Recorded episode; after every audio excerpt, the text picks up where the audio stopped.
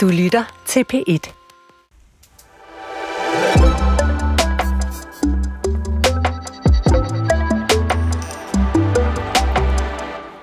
Fremtiden. Der var en gang, hvor jeg troede, at det var noget med røntgenbriller, rumturisme og robotter.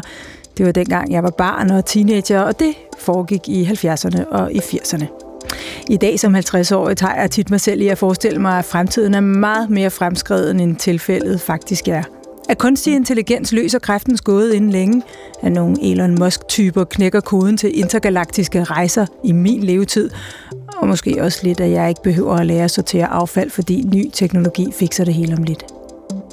Her på Fremtiden på P1 er vi nysgerrige på fremtidens teknologier, opfindelser og idéer, men også på det liv og den kultur, som de kommer til at fostre.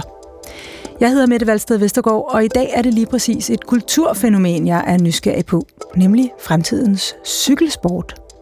Hvad må en chat-GPT forestille sig om cykelsporten, hvis vi beder den om at beskrive cykelsporten i et scenario om 100 år? I år 2123 har cykelsporten gennemgået en revolution. De store etabeløb er nu cyberteknologiske begivenheder, hvor ryttere er forbundet til virtuelle cykler og konkurrerer i en global virtuel verden. Publikum oplever løbene i VR og kan følge rytterne tættere end nogensinde før. Rytternes udstyr er også radikalt ændret. Cyklerne er letvægtige, selvstabiliserende enheder med indbygget AI-assistenter, der optimerer præstationen. Tøjet er intelligent, der tilpasser sig temperatur og svedniveau, mens hjelme er udstyret med avancerede sikkerhedssystemer.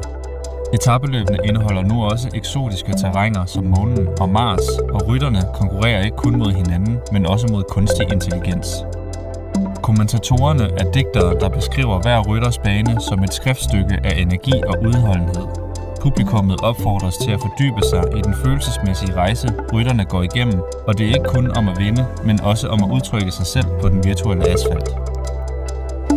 Hold da op. Jeg synes, ChatGPT havde øh, sat godt af øh, mod noget, øh, noget, ikke bare fiktion, men science fiction i den her udgave. Brian Holm, tror du, vi kører cykelløb på fysiske landeveje om 100 år? Oh, nej, egentlig ikke. Ja. Du tror lidt på den der virtuelle ja, ja, jeg tror, den har data. Det, det, der blev sagt nogle fornuftige ting her med tøjet, de her hjelme, der øh, retter sig efter krops, kropstemperaturen og så videre. Digterne, ja, og rytterne skal udtrykke sig, men ser, det er ikke bare resultater mere, der gør sig gældende. Man skal også være god for at tjene penge på sociale medier. Ja. Man, man skal være god til sig selv, så ser der ikke bare vinde. Altså, uh, gadgets og lyrik, det kommer vi ikke udenom, om det er nu eller om 100 år, så det kommer vi selvfølgelig til at berøre rigtig meget i det her program.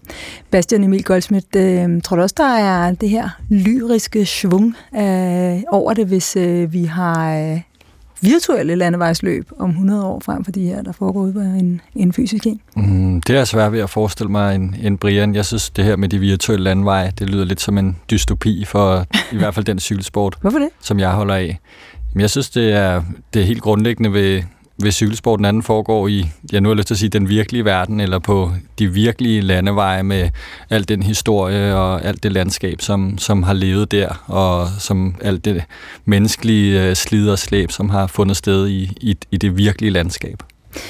Jeg vil gerne lige præsentere jer lidt, øh, lidt mere indgående, end jeg fik gjort her. Øh, den stemme, I lige hørte, var, øh, det kunne man jo høre, cykelsport-entusiast Bastian Emil Goldschmidt, som i for øvrigt også er forfatter og, øh, og musiker. Hvorfor er den her sport så fascinerende? Jeg tænker, at den rører ved noget sådan fundamentalt ved det at være menneske. Overvindelse, smerte, øh, sejr, tårer og øh, man kan lære enormt meget af, af livet ved at betragte øh, cykelsporten. Og øh, jeg synes, i, i nogle meget tydelige billeder med nogle meget klare fortællinger, så, så får man sådan nogle øh, historier, som minder om græsk mytologi eller øh, bibelske historier, som man har prøvet at få mening ud af i alt menneskets historie. Her kommer det med øh, en sportsgren. Det holder jeg meget af. Ja, og vi kan godt lide at knytte bånd mellem filosofien, den rigtig store historie, litteraturen, og så lige præcis den her sport meget mere, øh, tror jeg nok, i hvert fald hvad jeg ved af, øh, end, end til andre sportsgrene kan det blive ved med at bestå, sådan et bånd, også hvis vi skriver tiden frem, og hvis nu det ændrer sig rigtig meget i forhold til, hvor vi kører, og hvad for nogle teknologier vi bruger? Og... Altså, jeg, jeg, jeg har meget lyst til at sige, at, at cykelsporten er sådan en festning for romantik, og for, et, man kan man sige, sådan et, et gammeldags livssyn, og nogle gammeldags værdier, hvis man kan sige det sådan. Og allerede nu, så er jeg, vil jeg sige, at jeg er overrasket over, at cykelsporten har formået at, at holde så meget stand i den moderne verden med al dens ekstremitet og styrt og skader og ulykker. Øhm, jeg, jeg, jeg betragter det som sådan en festning for, for noget, som allerede nu egentlig er taget ud af, af fortiden. Mm. Og så også velkommen øh, til dig, Brian Holm, tidligere professionel rytter og mangeårig sportsdirektør, og i dag øh, konservativ kommunalpolitiker på øh, Frederiksberg.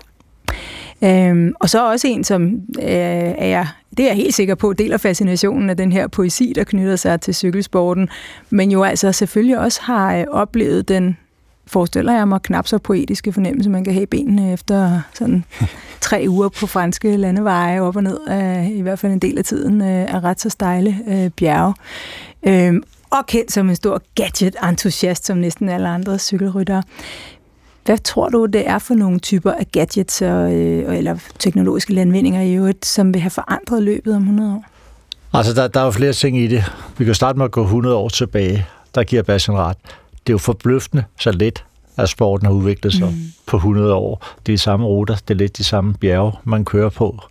Øh, vejenes beskaffenhed, den har forandret sig. Men jeg tror, og nu ved jeg godt, der kan ske meget med selvkørende biler, og hvad der kommer til, til at ske øh, øh, for sikkerheden og så videre.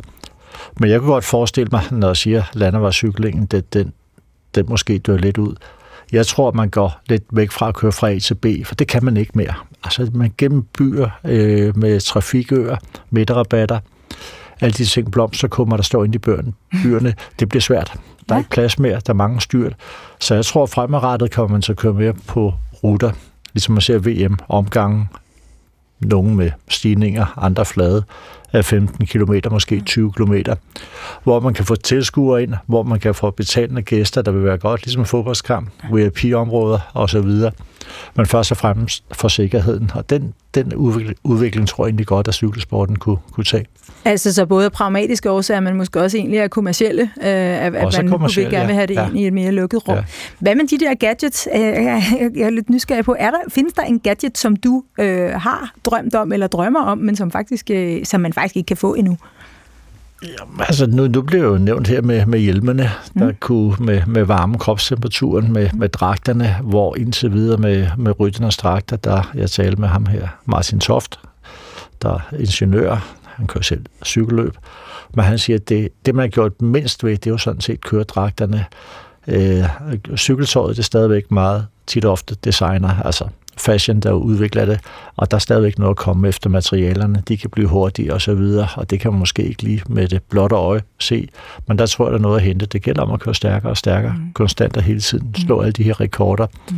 Øh, cyklerne, der nu ser kadangtræk og så videre, man har vatmåler på cyklerne, og det er jo faktisk kun fantasien, som som der sætter grænser her. Og fakta er, at rytterne de kører stærkere og stærkere.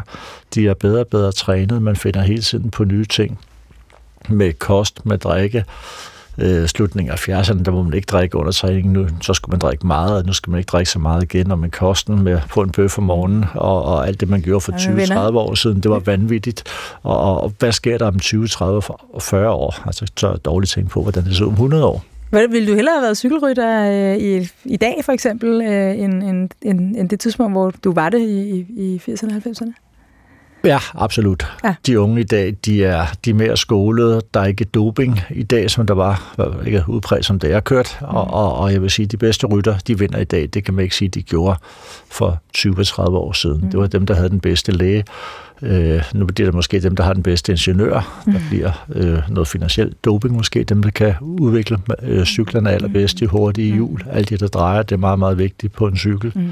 Men øh, jo, jeg vil hellere køre cykelløb i dag, end, end for 30 og 40 år siden. Og det kan også være et spørgsmål, vi tager op, altså om vi også vil få indført en, øh, sådan en hård grad af finansiel fair play, som man jo øh, har øh, Det burde man. I, det burde man, for det er klart, en, en, en rytter fra Peru, hvad vil jeg sige, der mm. skal køre bane, der ikke mm. har råd til den nye Lotus cykel. Han kan aldrig mm. måle som en rytter fra fra England måske, som der har, eller en tysker, der har ja. det allerbedste nye udstyr, hvor man har pengene, midlerne fra Olympisk Komité til mm. at, at udvikle det og, og så videre.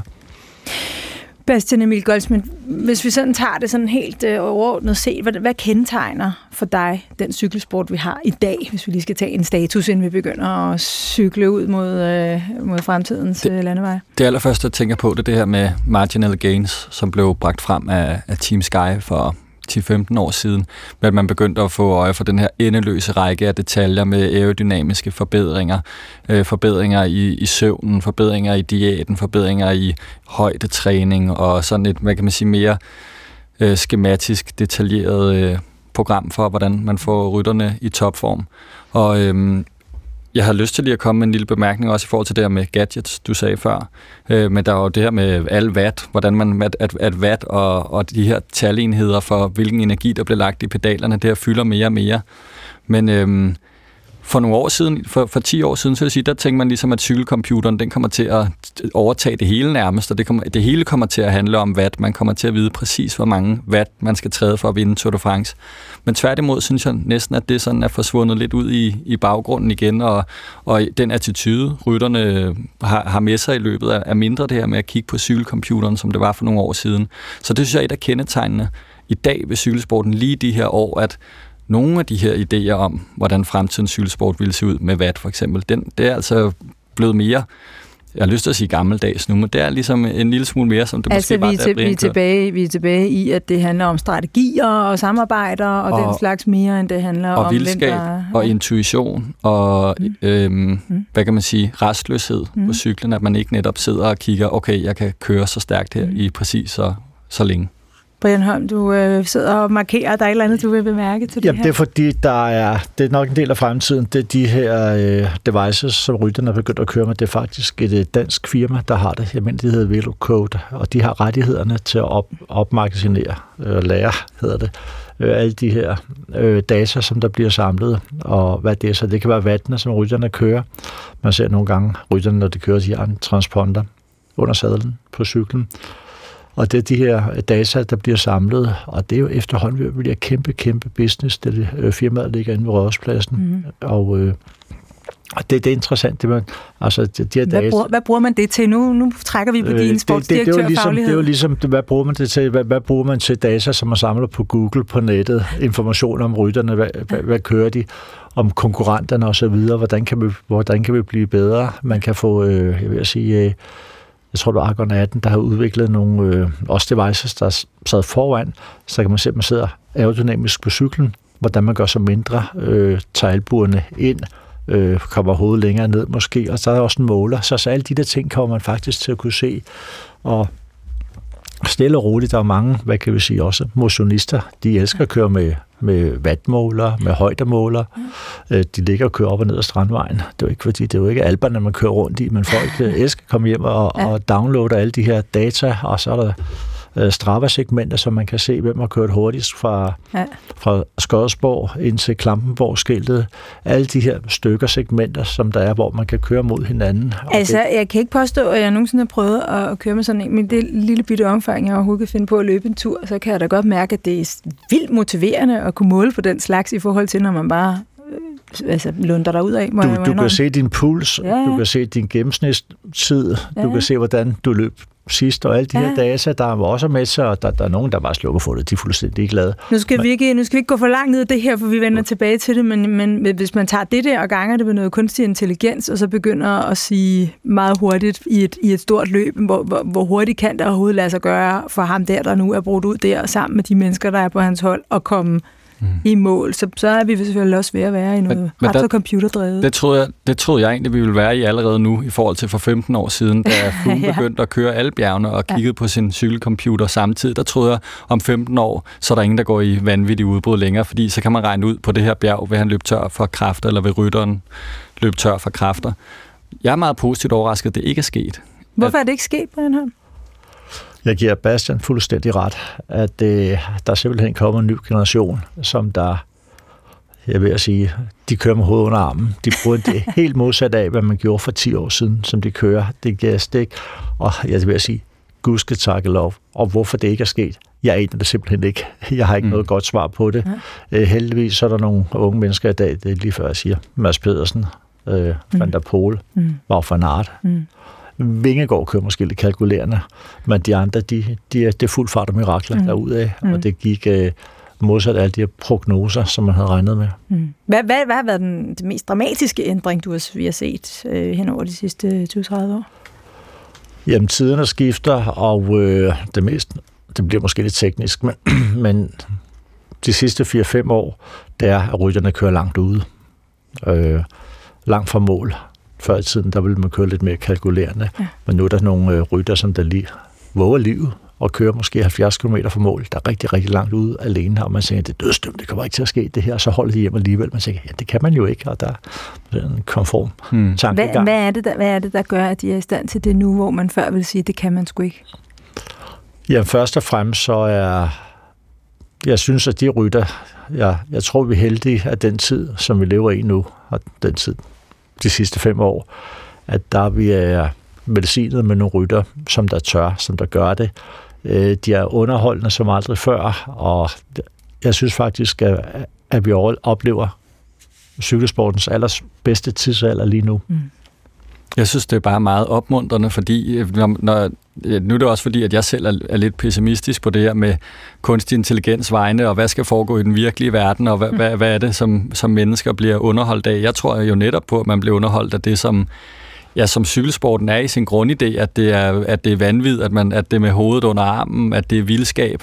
Og, øh, og jeg, jeg bliver meget opmuntret på cykelsportens vegne over, at man tror, at man går sådan teknologisk tidsalder i møde, og pludselig kører rytterne, som man måske kørte for, lad os sige, 70 år siden. Men, men du har også selv sagt på et tidspunkt, at hvis cykelsporten blev, blev opfundet i dag, ville den blive forbudt. Ja, men det, der, det, der er jo ikke noget fornuft i at køre nedad. Nej, og... Med 120 km i timen på 25 mm gummi. Ja, det vender vi også tilbage til om et øjeblik.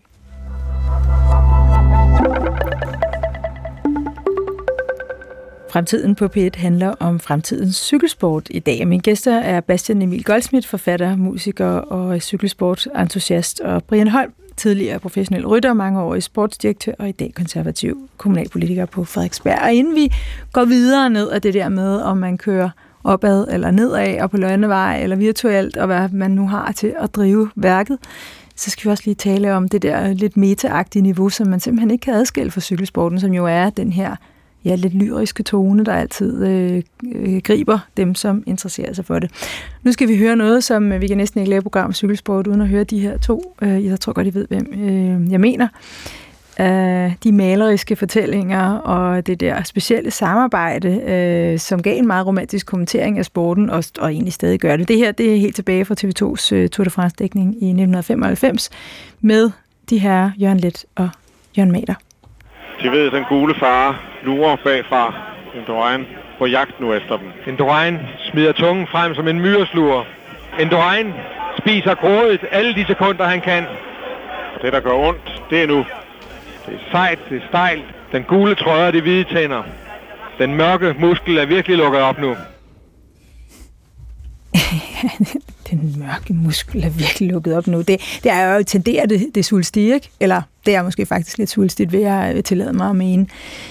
Man kunne jo godt Altså hvis man har læst fodbold England øh, som, som, som ung øh, op og interesseret sig for fodbold på den måde, der kan jo også ligge nogle meget store fortællinger om arbejderklasse og, og, og i det hele taget klasseskæld og samfund og så videre, så videre. Altså der er jo andre sportsgrene, som kan vække en lyrisk år, men ingen som cykelsporten hvad er det, cykelsporten kan? Altså nu sagde du, det var noget med smerter og tårer og, og livet og alt det her. Hvorfor lige cykelsporten, Bastian?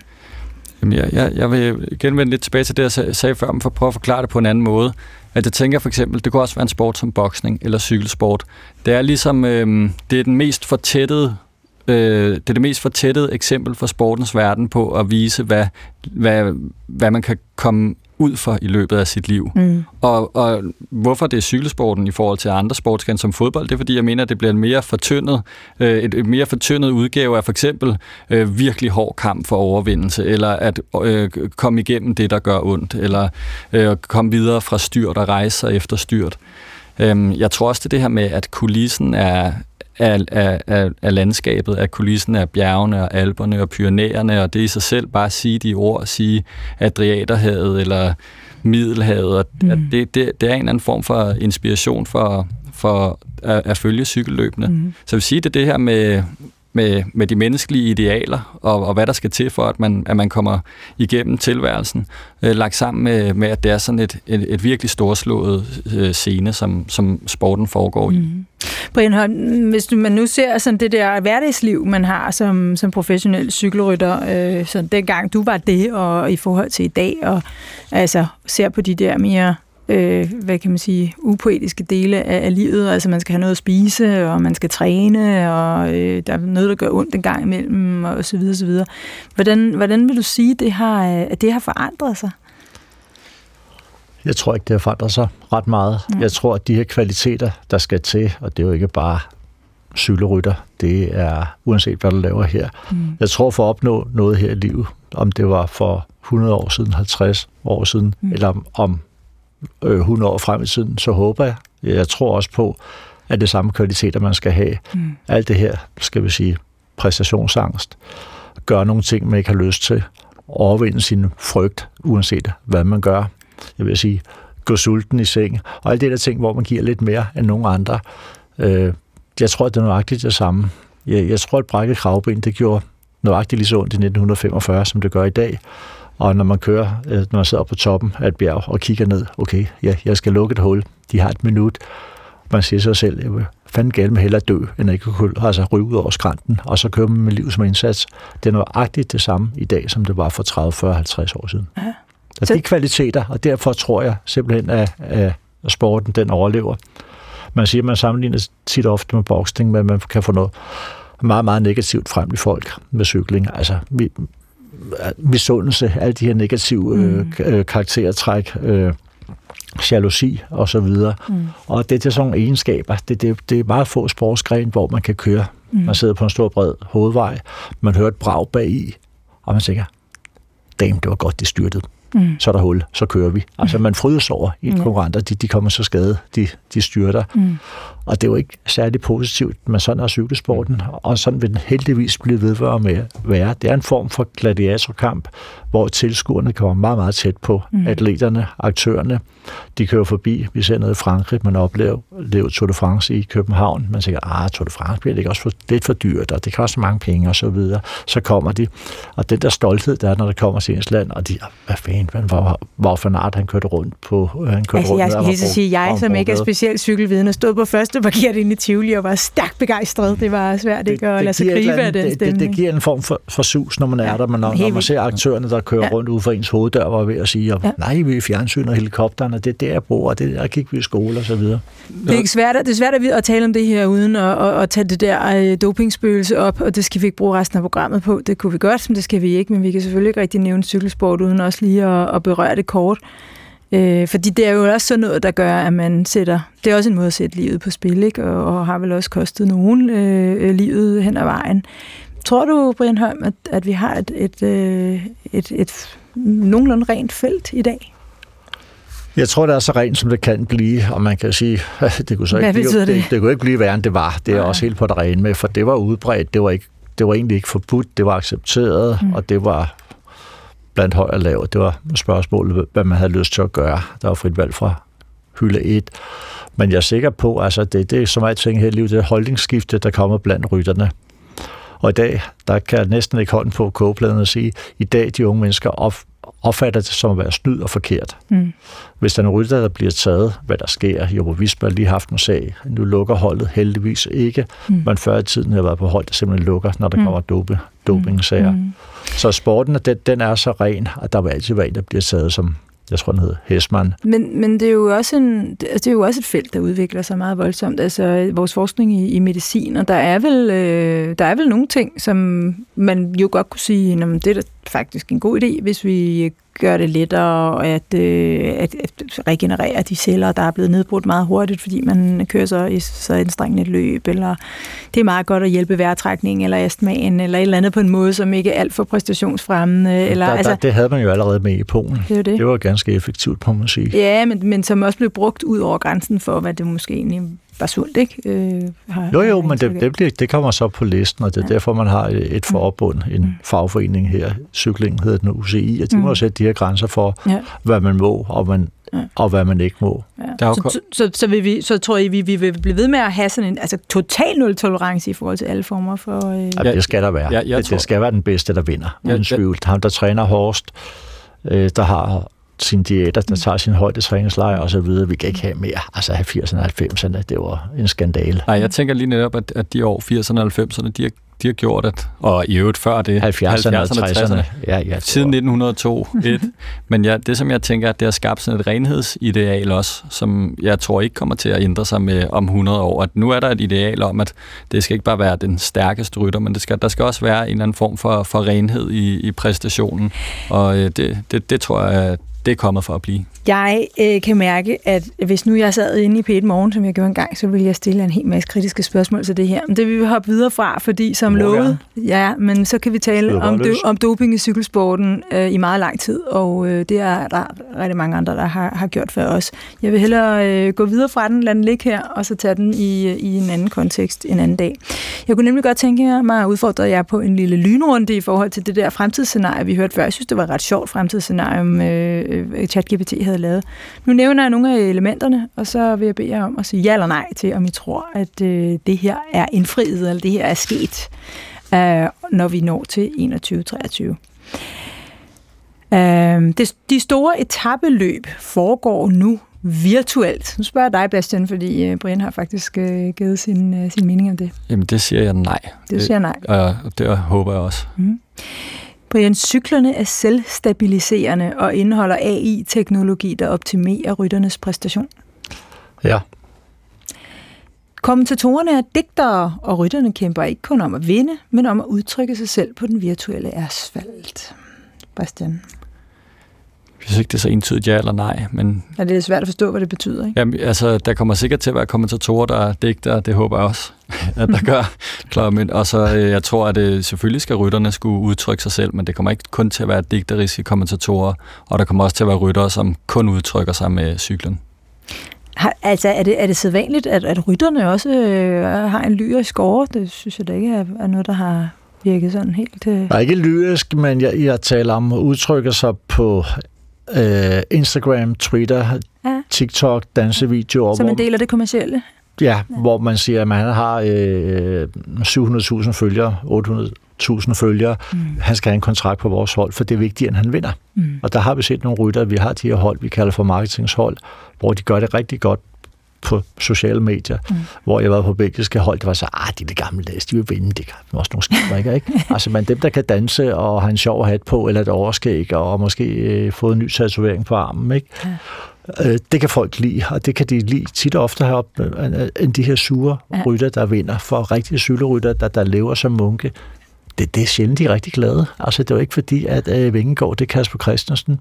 Han er så fokuseret hele tiden, ja. men, men hvis han kunne lægge en sjov Meget alvorlig ung mand. Så, ja, ja, meget. Ja. Altså, så ja. skal det være franskmænd også kunne sige noget godt om ham. jeg synes, men, det er meget for langt, det her. At, at rytterne ikke bare skal, altså, skal være øh, fantastiske til at køre i bjergene, ja. så skal det også være alt det andet. Ja. Jeg har meget respekt for det med, ja. med rytterne, som som ikke behøver at danse og have overskæg for, at, at man skal kunne holde af dem, eller for at man skal synes, de, hvad kan man sige, folkelige. Jeg synes, der er, der er meget værdi i præstationen, det ved Men nej, så, nej, men... så bliver de så ikke bare et instrument for en hel masse andre, der bruger dem til, øh, som, som noget sådan led i en stor underholdningsindustri? Jo, men jeg ved ikke, om jeg synes, det er et instrument, for jeg tænker, det kommer af en egen brændende vilje og ambition for at være noget, for at blive til noget, og for at, at, at mm. udfolde sin styrke og mm. sit talent inden for noget, man holder af at gøre, mm. og køre på cykel. Mm. Så jeg synes ikke, det er sådan et, um, et instrument. Brian du, er jo, du var jo en af dem, der godt kunne finde på at have, at have meninger og sige ting, selvom der ikke var sociale medier, dengang du, øh, du cyklede. Ja, det var så ikke alene om. Nej, det var du ikke, det, men det, var, det var du altså det, nu. Det var en anden side, og gud skal takke lov for det. Men, men, men man kan sige med rytterne, altså nu sad jeg så med Rik Sabel, jeg har kørt med hans far, og uh, han kan jo ikke køre til højre eller venstre mere, man kan fandme lægge nogle sjove videoer op. Han har stadigvæk kontrakt, så han overlever jo på at lave de her, undskyld, øh, åndssvage videoer, han lægger op, og jeg taler med hans far om det. Han siger, at næste gang så får en perler i håret, eller et eller andet, siger han. Ikke? Mm. Men det sælger jo, han får kontrakt på det. Ja. Hvis du går igennem og ser øh, de her, øh, også kvindelige cykelrytter, hvem af dem har flest følgere? Ja. Det, det bliver ser godt ud. Ja. Det er ikke nødvendigvis dem, der kører stærkest. Ja. Altså, og er det rigtigt eller forkert, det må I hjælpe mig med at afgøre. Ja, nu, nu skal jeg lade være med at trække for meget anden sport ind i det, men jeg, jeg, jeg så Beckham-dokumentaren for nylig, og der blev, øh, der blev Real Madrids øh, direktør spurgt, hvorfor i alverden de nu tog ham ind, når der nu allerede var en spiller, der spillede på den der højre kant. Og der var kun et eneste klip med den her direktør, der sagde, han tredoblede indtægten på to måneder eller tre måneder, eller på meget kort tid. Ikke? Uh, og så så man ikke mere til ham, fordi det var ligesom nok, at, at det var det. Nu er det ikke, fordi jeg skal sige, at Beckham er en, der bare står med perler i håret, men der var grundlæggende ikke sådan rigtig brug for ham. Han var bare en, der kunne levere noget. Der var Finney Design, var det BMC. Han havde, der var flere, han så yes. hans videoer, end der så cykling på amerikansk tv. Ja. Man ja. tænker, okay, han får en god løn, ham her. Og, og kan man både have Figo, som det altså var, og, og, ja. og Beckham på et sted, så, så, så, så er der, flere, så er der flere verden, penge i det. Så cyklingen, den, den har flyttet ja. sig heldigvis, ja. tænker jeg, at det er stadigvæk de gode cykelrytter, der tjener mindst. Hvem er, hvem er de gode gøjler, havde altså? Hvem er de gode kommunikatører øh, på, på to hjul i dag? Ja, det, det, det, det, det, er jo vigtigt. Det er jo vigtigt. Nu sagde jeg Rik Sabel. Ja. Har nogensinde vundet cykelløb? Jeg, jeg, jeg tror det ikke. er der nogen, der kan det hele? Peter Sagan, der, tænker jeg på. Sagan, han kunne også trylle lidt. Han kørte på forhjul. Han er heller ikke helt nej, umulig. Han er ikke heller ikke helt umulig. Mm. Det må være ham, der er multitalentet mm. den konto. Mm.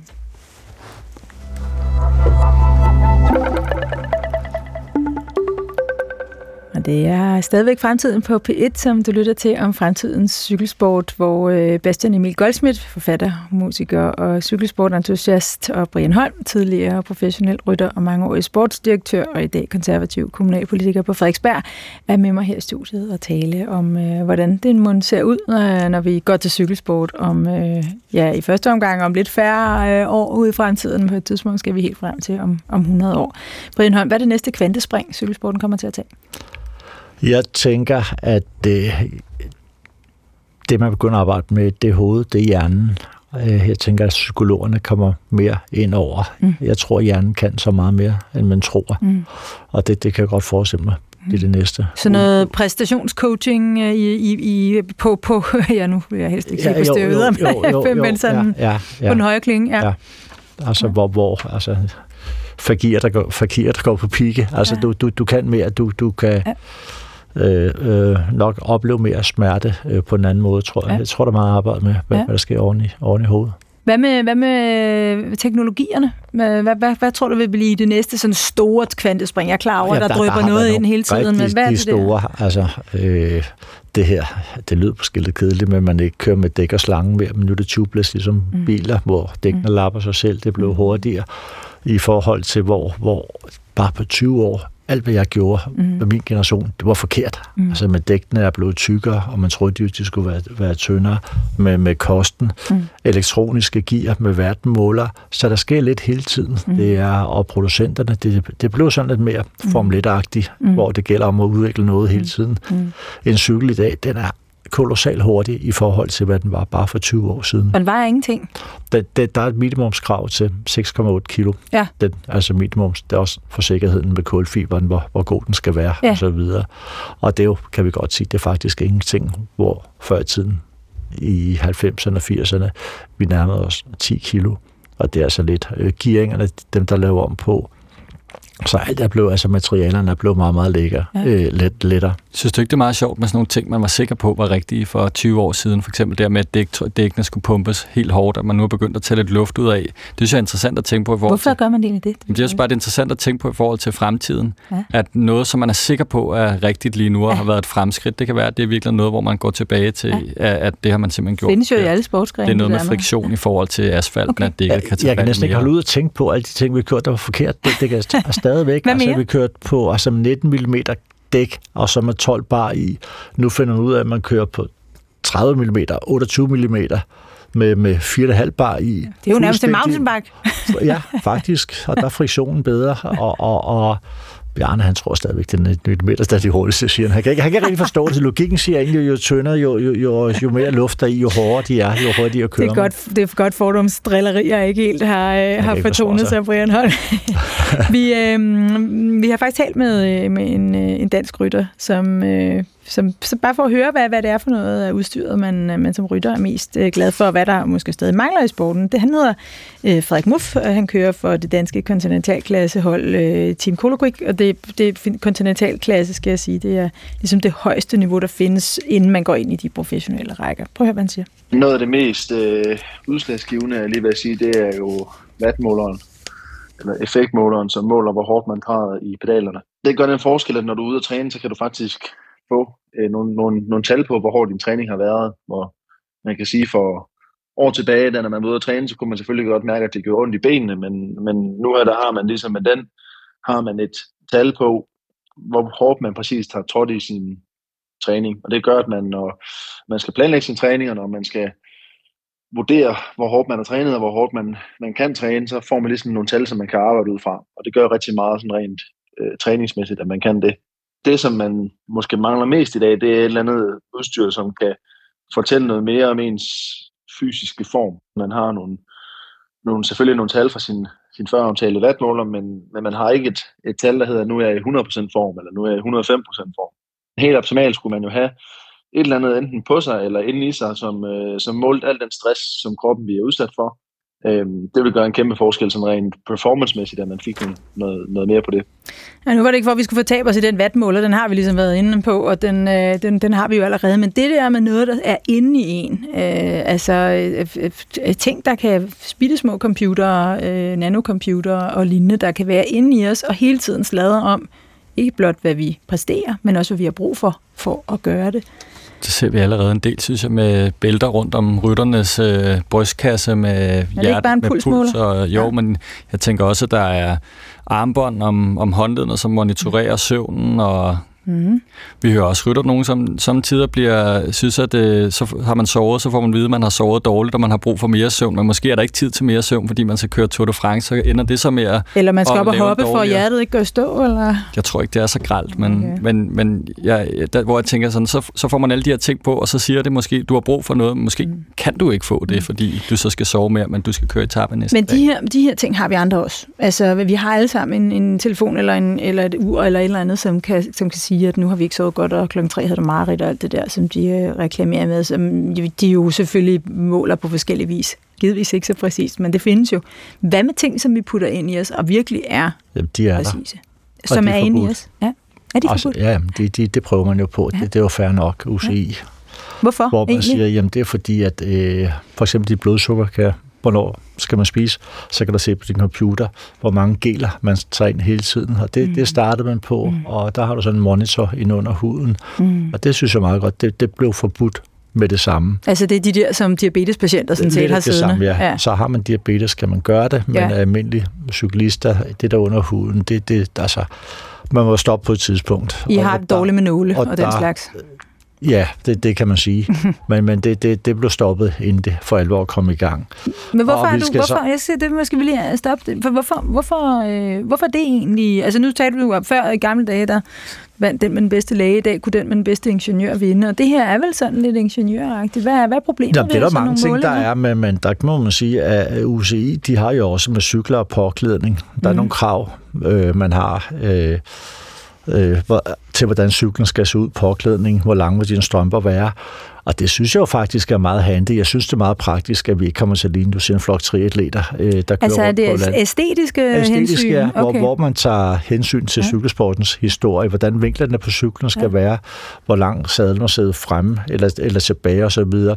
så alle de der ting, dem bliver der skam taget højde for, og, og det, det synes jeg, jeg, jeg, jeg kan godt lide. Der er lidt, mm. jeg er konservativ, at en cykelrytter ligner en cykelrytter stadigvæk, og man ikke får en monitor ind under huden, der og så er der til computer, nu, nu tager du lige en gel med så så meget sukker mm. i, og så videre. Så, så det, det er fint nok. Så det ikke bare bliver sådan øh, næsten som Formel 1, hvor det er dem, der har de hurtigste øh, mekanikere det, det, det, til Det, det, skal det selvfølgelig også være lidt, for mm. der skal også sælges nogle cykler, der skal, mm. nye, øh, der skal komme nye øh, produkter, nogle nye hjul, der er hurtigere end de gamle hjul, og nye lejer på hjulene, og alle de her praktiske mm. ting. Mm. Men, øh, men man, man kan sige med rytterne, nu sætter vi vatmåler igen, og det er jo, mod fanden kører der starter, men man skal også passe på, at man ikke overdriver, så så vigtigt er vatmålerne heller ikke for nogle af de gode ryttere, Tom Bonen Nicky Tepstra, der trods alt har været verdensmester, Tom Bonen. De har vundet klassikere, paris B, Flandern rundt og 117 andre cykelløb. De har aldrig nogensinde trænet en vatmåler. Mm.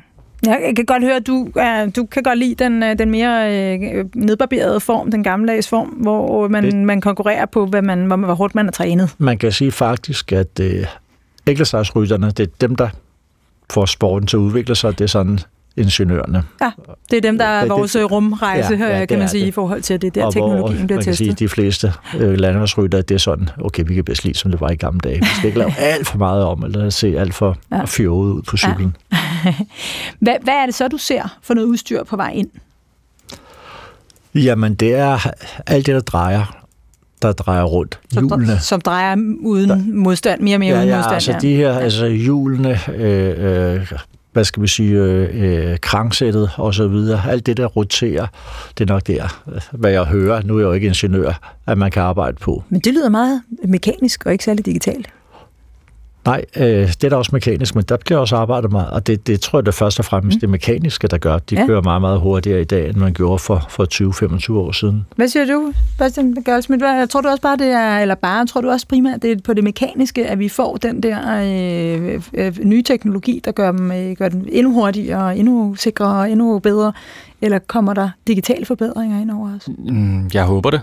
Jeg tænker også det med for eksempel at få den her sukkermåler ind under armen. Der er også en del af det at være cykelrytter, der handler om at, at, sådan som, som jeg ser det, spørger sig selv, nu skal jeg huske at, at spise, nu skal jeg huske at drikke, at det ikke er alting er en biber, der siger på armen, nu skal du spise, men at man selv ligesom er bevidst om, hvad, hvad man har brug for, hvad man mangler. Det er jo en, en, et, et enormt stort krav til, hvad man mentalt skal kunne overskue, selvom man er meget, meget udmattet. Og det er en del af, hvorfor man ikke vil have en, øh, diabe- øh, altså den her sukkermål under armen, fordi det er en del af udfordringen, at man skal kunne overskue de her vanvittige ting, man bliver udsat for. Og jeg, jeg tror også, at man kunne finde på at ligesom øh, spole lidt tilbage og faktisk fjerne radioer. Altså løbsradioerne til wow. rytterne, så man ikke kan kommunikere mere. Ja. Jeg synes, det kunne være rart, hvis folk begyndte at tænke lidt selv igen. Wow. At, og det siger at, du, gamle sportsdirektør, som har siddet ja, der og ja, ja, lagt men, og smidt ranker og hvad man ellers ja, gør derinde. Ja, men, men ja, jeg synes, det var rart, hvis atleten, hvor ja. man havde brug for det, man kalder for en vejkaptajn, ja. en, der kan tage nogle beslutninger under cykelløbet, folk, der kan tænke. Øh, man ligger aften før, man sætter sig ind i ruten, ligesom man læser til den store køreprøve og, og, og sætter sig op til, man kan huske, hvor, når stigningerne kommer. Man går ind på Google Map, man kan huske nedkørslerne, så man skal tænke selv, og man skal ikke bare høre det, hvornår man skal spise, hvornår man skal angribe, eller hvornår man skal dit og datten. Færre maskiner, flere mennesker, siger du? Ja. Nu skal vi øh, lige have afleveret noget input til øh, vores øh, mere præcise scenarium, ChatGPT-scenarium. Altså, jeg synes jo faktisk, det var ret øh, fint, det, det som ChatGPT havde forfattet, men øh, hvis vi skal have mere menneske, mindre maskine ind i det. Hvad er det så, vi skal bede den om at inkludere i det scenarium, som øh, vi hørte i starten af udsendelsen, sådan, så vi får beskrevet cykelsporten, som vi tror, at den vil se ud om 100 år? Jamen, altså, jeg tænker, det, det, det jeg først og fremmest skulle tænke mig, det er måske noget med sikkerhed. Ja. Sikkerhed.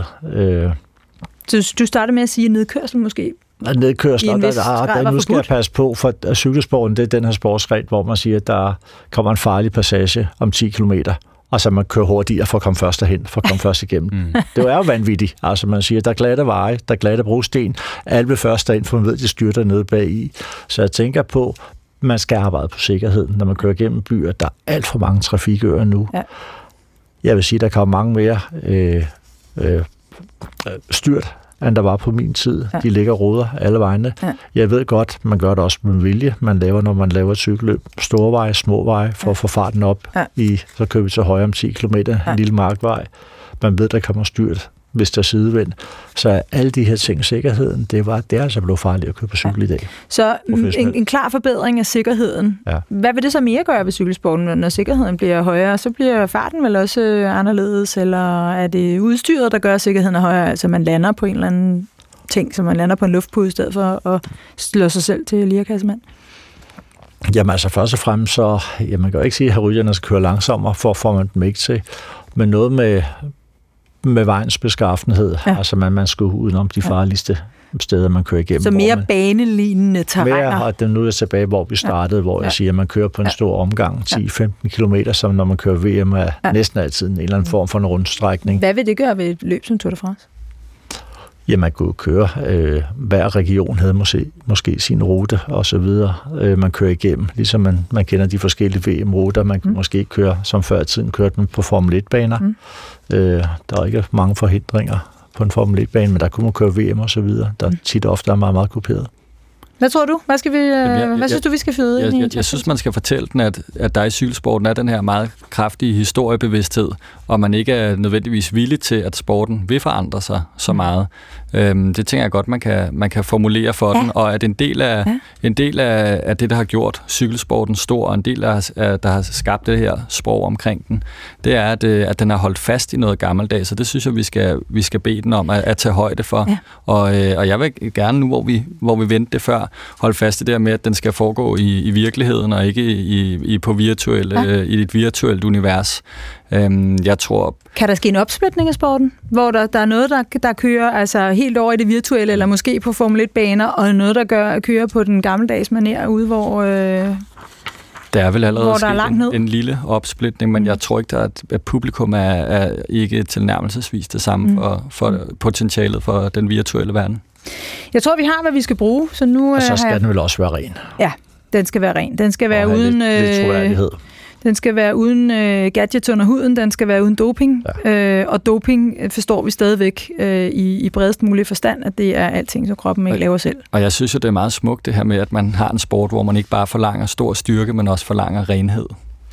Ja, og, øh, og tankegang synes jeg jo også er lidt, øh, lidt interessant. Tror, tror jeg egentlig, øh, altså hvis nu vi kigger 100 år frem og, og, og, og ser først det, nu kommer der et scenarie om, om lidt, tror jeg, at det kan lykkes at få vasket det der dopingsmus af øh, cykelsporten. Jeg ved du, jeg, jeg det, synes, det synes jeg, der er lavet ja, Jeg er helt enig. Ja, det synes jeg ikke. Og jeg, jeg, det... må, jeg, må, jeg må simpelthen sige til jer, at jeg er professionel kommunikationsrådgiver, så der må jeg simpelthen fastholde, at det, det er den altså ikke til fuld. Jamen, så må der komme et eksempel. Et, et eksempel på, at cykelsporten ikke har fået vasket sit dopingspøgelse af sit brand, om man så må sige. Ja, den bliver større og større. Den vokser og vokser. De tjener mere og mere. Det, det, der er flere seertal end nogensinde. Ja det går bedre og bedre. Ja. Altså, jeg synes, du skal slå op i øh, alt, hvad der er af kommentarfelter alle steder. Øh, når Hvis du der, læser det går de godt. nyheder på Ekstrabladet, så ved jeg godt, hvad det er, vi får. Ja. Nej, men jeg synes jeg, jeg synes, jeg både taler med mange mennesker og læser nyheder mange steder. Jeg og det, det gør bliver, jeg altså også om cykling. Det bliver, og jeg, jeg kan fortælle det dig, bliver nævnt, det bliver nævnt hele tiden. Det er sjovt, der er ikke en, der har stillet mig et spørgsmål om doping til Tour de France i 10 år. Nå. Jeg har været dernede, jeg går rundt, jeg kan fortælle dig i 0678, når vi kom ud af bussen, jeg fik en mikrofon, og det var doping, doping, doping. Ja. Jeg er gået rundt dernede de sidste mange år og siger, at der ikke snart nogen, der spørger sig noget doping. Der er ingen, ja. der spørger mere. Ja. Der har simpelthen ikke været en kritisk journalist, der har spurgt til noget. I, I kan da ikke tro, alt er rent. De spørger ikke til det mere, så, ja. så jeg tror ikke. Og så vil der være nogen, som der, der siger, ah, jeg tror stadigvæk. Jamen, hvad siger du så? Det ved du ikke rigtigt, men du tror stadigvæk ikke rigtigt på os. Jamen, så kan du lade være. Altså, det kan ikke gøre noget ved. Nej, Nej, det kan du have ret i. Nu var, nu var spørgsmålet også, om, om, om sådan brandet var blevet vasket rent, ikke om, ikke om, øh, om, om sporten regulært øh, er det eller ej, fordi det, det har jeg ikke nogen forudsætning for at vide. Men jeg tror, kommunikationsmæssigt er det nok svært at påstå, at sporten er helt borte fra det der altså, jeg synes, følelse, der er siddet på ryggen Jeg synes, det fylder meget, meget lidt. Og øhm, jeg, jeg tænker... At jeg, jeg har ikke oplevet et kritisk interview du kan skyde løs, hvis der er noget. Skyde løs, nu alt, hvad der nu, kan jeg, nu kan jeg sige rigtig meget om danske sportsjournalister, men det vil jeg så lade være med det, jeg, jeg, jeg, jeg, jeg vil stadig fastholde, at det, det, øhm, det er jo en del af, af samtalen, der foregår, når vi hører om, øh, om Jonas Vingegaard, der gør det strålende osv. Det kan være, at det kommer fra ukvalificeret hold. Det, det er, er helt tilbøjeligt til at give ret. Jeg vi er jo nødt til at lave program med, med nogen, der, der, er, der er kritiske. Så må ja. vi jo have en i studiet, der ja. må fortælle, hvad det er, han tror, der sker. Ja. Ja. Jeg ved det ikke. Jeg, der er ikke nogen, der har sagt det til mig. Ja og så kører vi løs. Ja. Jeg, jeg tror mere, det handler om, at det, at det er godt for avissalget eller for klikkene, end det ja, egentlig det handler om, at det, ja. hvad der egentlig er cykelsportens imageproblem. For ja. Jeg synes simpelthen, det fylder meget, meget lidt, når man øh, Altså, når man det måske er, er, er mennesker fra en uh, lidt for altså, uh, gamle mennesker, der kan huske en gang, og så, så nu siger de bare det her, fordi nu skal der også synes, skå, slås man, lidt skår i gløden. Det kan sagtens være. Man oplever det mest for dem, der i hvert fald har sluppet sporten, ja. og som ja, nu følger ikke med, det hele ja. er doping, men, men det, det, det er slet ikke indtrykket, synes jeg. Godt. Nu uh, får I uh, det her scenarie, så øh, kan jeg lige få lov at øh, forholde jer til det bagefter. Øhm, I år 2123 har cykelsporten gennemgået en dybt forvandlende renaissance. Sikkerheden har oplevet en dramatisk forbedring, hvor avancerede materialer og teknologi i beskyttelsesdragter og hjelme har reduceret skader på en bemærkelsesværdig måde. Selv de mest udfordrende sving på vejen er blevet omdannet til smidige asfaltbaner takket være banebrydende ingeniørarbejde. Historiebevidstheden i cykelsporten er en kraftig drivkraft. Rytterne bærer stolt på armen af tidligere mestre og traditioner, der strækker sig århundreder tilbage. Mesterskaberne afholdes stadig på ikoniske steder som Champs-Élysées, øh, Alpe d'Huez og Monte Saint Colin, hvilket skaber en forbindelse mellem fortiden og nutiden, der nærmest er spirituel. Mest bemærkelsesværdigt er det, at cykelsporten i år 2123 er blevet en utvetydig, et utvetydigt symbol for ren sport. Doping er blevet udryddet fuldstændig, og sportens renhed og ærlighed er blevet dens varemærke. Rytterne deltager ærligt og færre i hvert løb, og sporten forholder sig strengt til dette etiske princip. Den fornyede integritet har gjort sporten endnu mere appellerende, og det utvetydige fokus på virkelige løb over virtuelle simuleringer har sikret, at de autentiske og intense øjeblikke fortsat er hjertet i cykelsport. Har du hørt en sport, vi har skabt, Brian? ja, vi var med til. Det var sgu da den store gulvviolin, vi fik frem her, var? Vi var også med til at nedbryde den. det var det rene paradis. er, det derfor, er det derfor, I sidder og taler sådan om det, som om, at nu er det helt blevet godt? Jeg synes, det lyder rigtig meget som, som det, vi, det, det, vi beskæftiger os med til daglig. I har simpelthen smittet chat, et uh, chat-GPT med, med al jeres lyserøde snak. Nå, lad os, uh, lad, os lige prøve, lad os lige prøve at skrue tiden uh, 100 år frem. Hvordan, uh, vel, vi, vi, det er vi 21-23. Lad os sige, det er Jonas Vingegaards, hvad er det så, oldebarn, der skal køre hvis der stadig er Tour de France, så lad os mm. forestille os til det. Hvordan, øh, hvordan er det så, du var lidt inde på det før, Brian Holm, hvordan er sådan løb strikket sammen om 100 år, hvis vi skal tage alle de her sikkerhedsparametre og teknologiske ting, og så har vi har talt om? Øh, altså, altså først og fremmest igen sikkerheden. Jeg tror, det bliver på noget rute lignende noget, for man kan mærke, at der kommer en ny generation nu. Der kommer de ja. her extreme weather reports, det skal jo ikke regne ret meget, så synes de unge mennesker, det er forfærdeligt værd, man kan ikke køre cykelløb. Mm. Øh, de synes, vejens beskaffenhed er for farligt, øh, når man ser dem efterhånden. Øh, specielt journalisterne, det er de første, der begynder sådan at harcelere over, at det er for farligt. Øh, rytterne tit og ofte, de har jo sådan set ikke, de kører, de tilpasser sig. Men der kommer sådan en ny generation også af journalister, der synes, det hele er for farligt. Sådan er fuldstændig vanvittigt at køre her. Der var Paris-Roubaix, det cykelløb på brosten, man kørte i regnvejr. Der begyndte allerede sådan lidt, at er det ikke for farligt? Er det galningen, der stiller op i det? Hvor jeg har det sådan lidt, at øh, jamen, man kan jo bare sige, at man ikke vil, hvis man synes, det er for farligt. ja.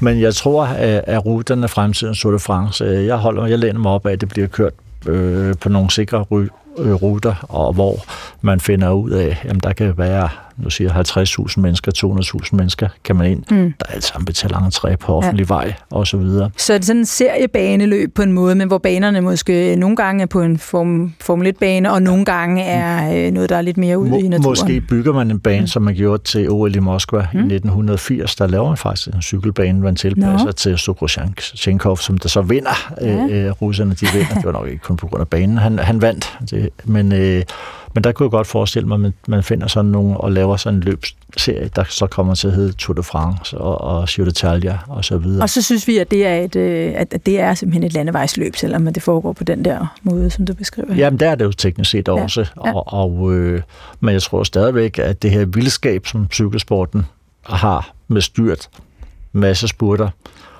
øh, nedkørsler, farlige nedkørsler, øh, det vil stadigvæk være der. Mm.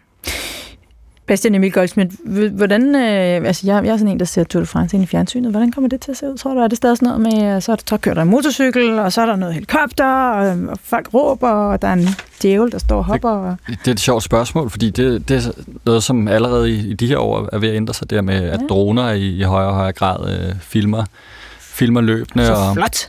Jamen, jeg, jeg er ikke så stor, jeg er ikke så begejstret. Jeg, jeg, jeg holder meget af helikopteren. Mm. Jeg synes, øh, jeg er godt lige der med, som vi talte om før, mennesker filmer mennesker. I og... de mest retroagtige fremtidsgæster, jeg nogensinde har haft. Jamen, jeg ved ikke, altså, jeg synes også det her med, med, med sådan det uendelige fremskridt, og, og, og jeg, jeg synes jo bare, at cykelsporten har været et eksempel på noget, som har fastholdt en værdi ved, det, det har jeg efterhånden fået sagt her. Ja. Men, øh, men jeg, altså, der er også en æstetik og en romantik omkring, hvordan øh, sporten bliver simpelthen filmet, og det her med, med at det er, er, er fotografer på motorcykler og, og, og fotografer i helikopter, det, jeg synes, det har en storhed over sig. Ja, men, men, men et er, hvad du synes. Noget andet er, hvis vi nu tager Am- alvorligt, som, som, som Brian Holm siger, altså det kan jo være, at, at lige præcis det, at det bliver mere og mere kommercialiseret, og at der skal være plads til flere og flere tilskuere, det skal være mere og mere sikkert, at sige, det vil gøre, at man vælger øh, nogle andre øh, teknologier, når man skal filme og den slags. Hvis rytterne også flytter sig kortere og kortere distancer, mm. kører på de her rundstrækninger, det passer endnu bedre til droner med. Altså, jeg, jeg, jeg tror, det er mm. uundgåeligt, at, mm. at droner kommer til at, at filme mere og mere.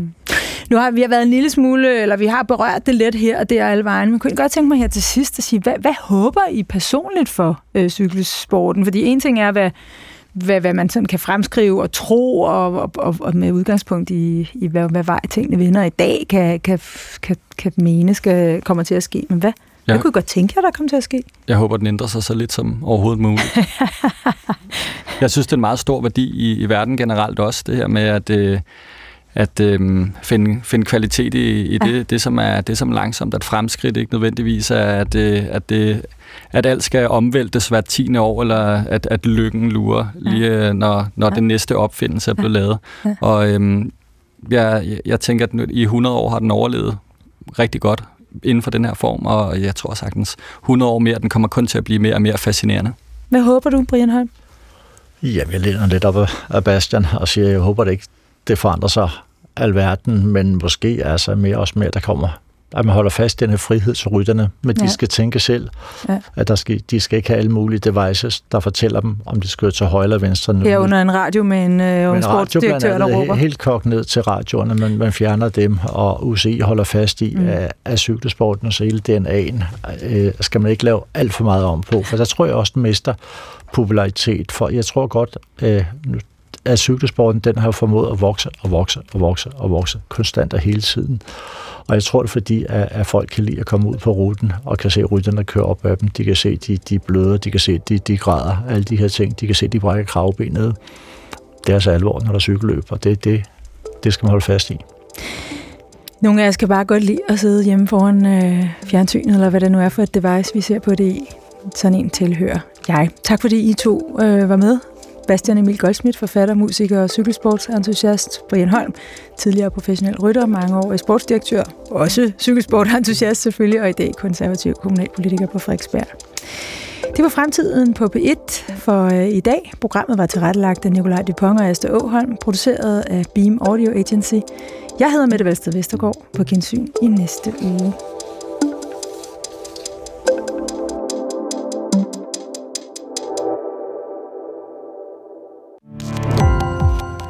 Gå på opdagelse i alle DR's podcast og radioprogrammer. I appen DR Lyd.